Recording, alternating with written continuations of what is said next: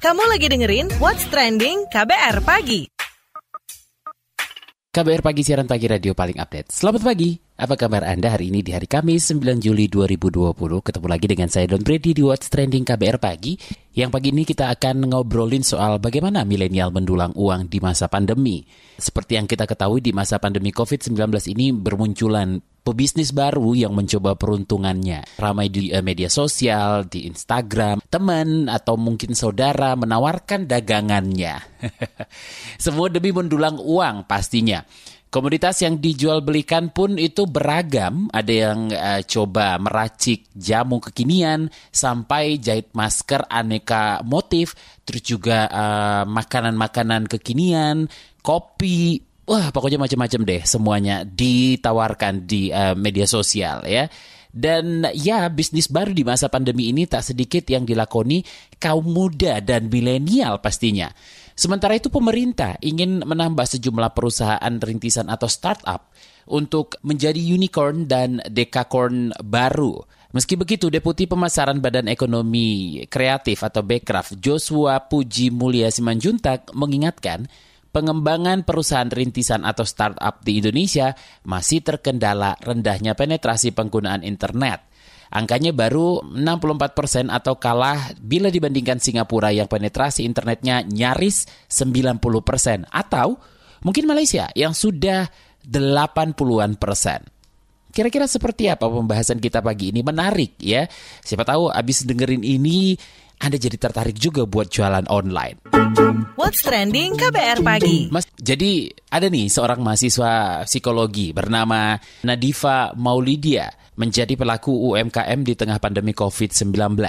Ia menjahit masker dan menjualnya dengan modal dari kantongnya sendiri. Bagaimana kiat memulai sebuah usaha kecil? Kita dengarkan penuturan Nadifa Maulidia lewat kanal BNPB berikut ini awalnya itu memang saya bingung ya gitu karena kan memang di masa pandemi ini saya mikir keinginan saya untuk belanja online kan sebenarnya tinggi gitu kan karena emang gak ngapa-ngapain. Tapi pemasukan saya tuh uang jajan saya itu kan sedikit. Nah maka dari itu saya harus mikir gimana caranya ya saya bisa menghasilkan uang tapi saya tetap bisa kuliah di rumah gitu. Akhirnya cara baginya itu karena kan kuliah di rumah nggak setiap saat gitu. Akhirnya karena hobi saya itu menjahit gitu. Sebenarnya kalau yang lain juga misalnya punya hobi apa pun juga masih bisa diluangkan dan bisa uh, memproduksi sesuatu dan menjual itu sebenarnya bisa. Maka dari itu saya membuat masker dan lalu saya produksikan itu. Modal yang saya keluarkan itu sebenarnya nggak terlalu banyak karena memang hasil dari tabungan sih tabungan uang jajan untuk kalian juga yang ingin memulai bisnis juga itu sebenarnya nggak perlu modal yang banyak sih menurut saya dengan saya seperti ini juga nggak terlalu banyak modalnya gitu tapi nanti mungkin kalau sudah produksi pertama nanti kalau misalnya banyak yang minat itu bisa meningkatkan meningkatkan jumlah produksi lagi kan itu kan lebih baik kan. Jadi awalnya yang kecil-kecil dulu lah gitu yang sedikit dulu mulai membeli bahan baku, memasarkan dan mengirimkannya itu melalui media online. Dari mulai saya membeli bahan baku itu di pasti di online shop banyak kan sekarang udah banyak.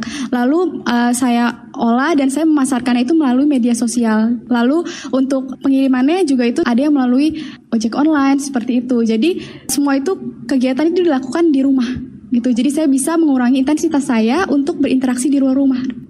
Nah, dalam kesempatan yang sama, pendiri investor muda Jason Gozali menyebut dua bisnis yang bisa dijajal di masa pandemi ini, yakni bisnis Blue Ocean dan juga Red Ocean.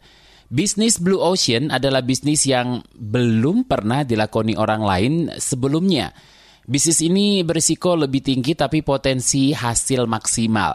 Sedangkan bisnis Red Ocean merupakan bisnis yang sudah pasti menjamur dan menguntungkan. Apalagi kiat yang dibagikan oleh Jason Gozali, kita simak penuturannya berikut ini. Oke, jadi kalau ngomongin soal bisnis, menurut saya biasanya kita kalau mulai bisnis, kita kalau fokus sama yang namanya produk. Produk kita harus bagus, produk kita harus bagus, itu benar. Tapi yang lebih penting namanya itu promosi.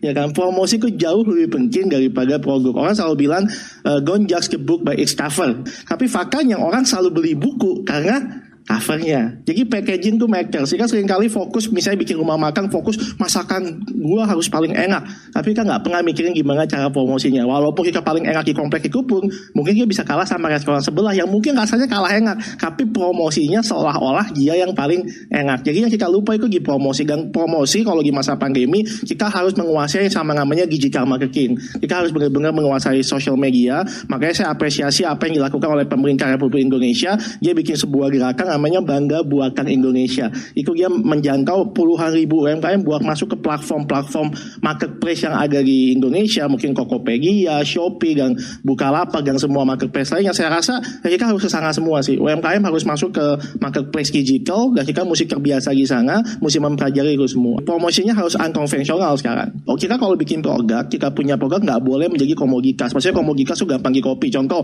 misalnya saya jualan biji kopi, ya itu kan semua orang bisa ambil biji kopi.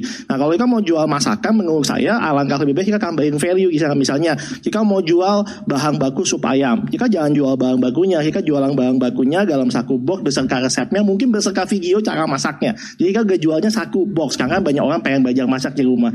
Itu kan pasti nilainya kan jauh lebih tinggi kan. Kalau kalau kita cuma jual sayur-sayur, misalnya kengkang, komak atau ayam sebagai uh, bumbu masak sop ayam, mungkin harganya hanya sekian. Tapi kalau ditambahin video masaknya, beserta cara masaknya, step by stepnya dijual dalam saku box yang kita jual dalam saku paket itu nilainya mungkin bisa gua lipat dari nilai pokoknya. Jadi kita mesti tambahin value di produk yang kita anggap sebagai komoditas. Sekarang lah kesempatannya kita pada WFA kita pada di rumah waktu kita lebih banyak ya cobalah kita bikin YouTube ngajarin orang masak siapa kau booming dan siapa kau orang suka sama YouTube kita kita bisa jual produknya. Misalnya ya box masak Jason ya kan isinya beserta videonya gak macam-macam sih. Intinya semua orang pasti punya talenta semua orang pasti punya bakat semua orang pasti punya kelebihan. Nah sekarang lah waktunya buat ngembangin bakat. Nah itu tadi dia uh, dua milenial yang memberikan kiat-kiatnya bagaimana sih mendulang uang di masa pandemi ini. Mudah-mudahan apa yang mereka sampaikan bisa menjadi inspirasi Anda pastinya ya. What's Trending KBR Pagi. Kita lanjutkan ngobrol bagaimana milenial mendulang uang di masa pandemi ini. Kalau tadi kita sudah ngobrol dengan beberapa pelaku um, bisnis ya dari milenial pastinya. Nah sekarang kita akan menggali lebih dalam soal bagaimana kaum milenial bisa mendulang uang di masa pandemi ini. Kita akan obrolkan bareng peneliti Indef, ada Rusli Abdullah. Oke, apa peluang usaha yang bisa diambil kaum muda atau milenial di masa pandemi ini, Mas? Gini, eh, barang apa atau makanan apa yang yang nggak akan ada penurunan permintaannya. Jadi pasti makanan, makanan, sayur, terus produk-produk buah-buahan, hortikultura. Cuman problemnya gini, di sektor itu oh, pertanian, pangan, sayuran, sebagainya, barang-barang itu nggak nyampe ke konsumen. Nah, di sinilah peran para ini pemuda untuk semacam bikin aplikasi ataupun usaha yang bisa menghubungkan langsung antara petani dengan si konsumen. Yang kedua, di new normal itu adalah ketika work from home itu akan semakin masif. Nah, cuman masalahnya adalah dukungan teknikal bagaimana men-set up infrastruktur untuk work from home itu belum ada. Uh, misalnya gini, saya kerja di rumah, tapi bagaimana saya men-set up rumah saya itu belum ada yang jadi konsultannya. Mungkin kalau saat ini kita jualan webcam, kamera untuk kita bisa WFA atau laptop itu sangat tiga bulan terakhir ini penjualan sangat meningkat ya, terutama untuk mendukung WFA. Cuma kan bagaimana dukungan teknikalnya, bagaimana sih caranya kita WFA dengan baik di rumah platform yang bisa semacam software yang bisa menjadikan sebuah usaha atau sebuah perusahaan tetap terkoneksi dengan para pegawainya. Dengan aplikasi atau apa pun apa pun itulah. Office virtual yang ada di aplikasi yang bisa mengkoneksikan satu orang. Saya gini saya hari ini kerja ini outputnya apa seperti apa saya laporkan di platform itu sehingga semua um, sehingga supervisor saya atau bos saya itu tahu. Yang ketiga, hal-hal yang berbau dengan kesehatan, aktivitas olahraga yang paling apa namanya menghidurkan ya bagi anak-anak muda.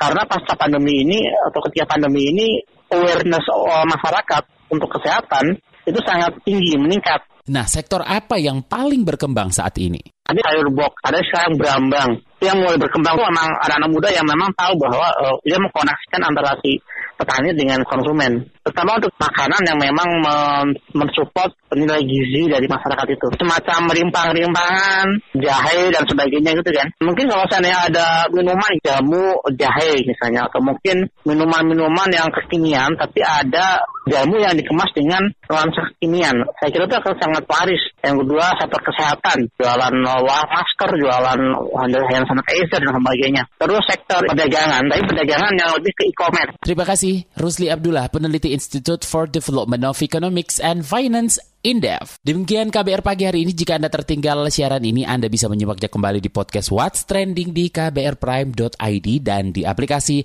podcast lainnya. Akhirnya saya Don Brady undur diri. Besok kita ketemu lagi dan buat Anda sekali lagi jangan lupa patuhi protokol kesehatan. Terima kasih ya sudah dengerin What's Trending KBR pagi.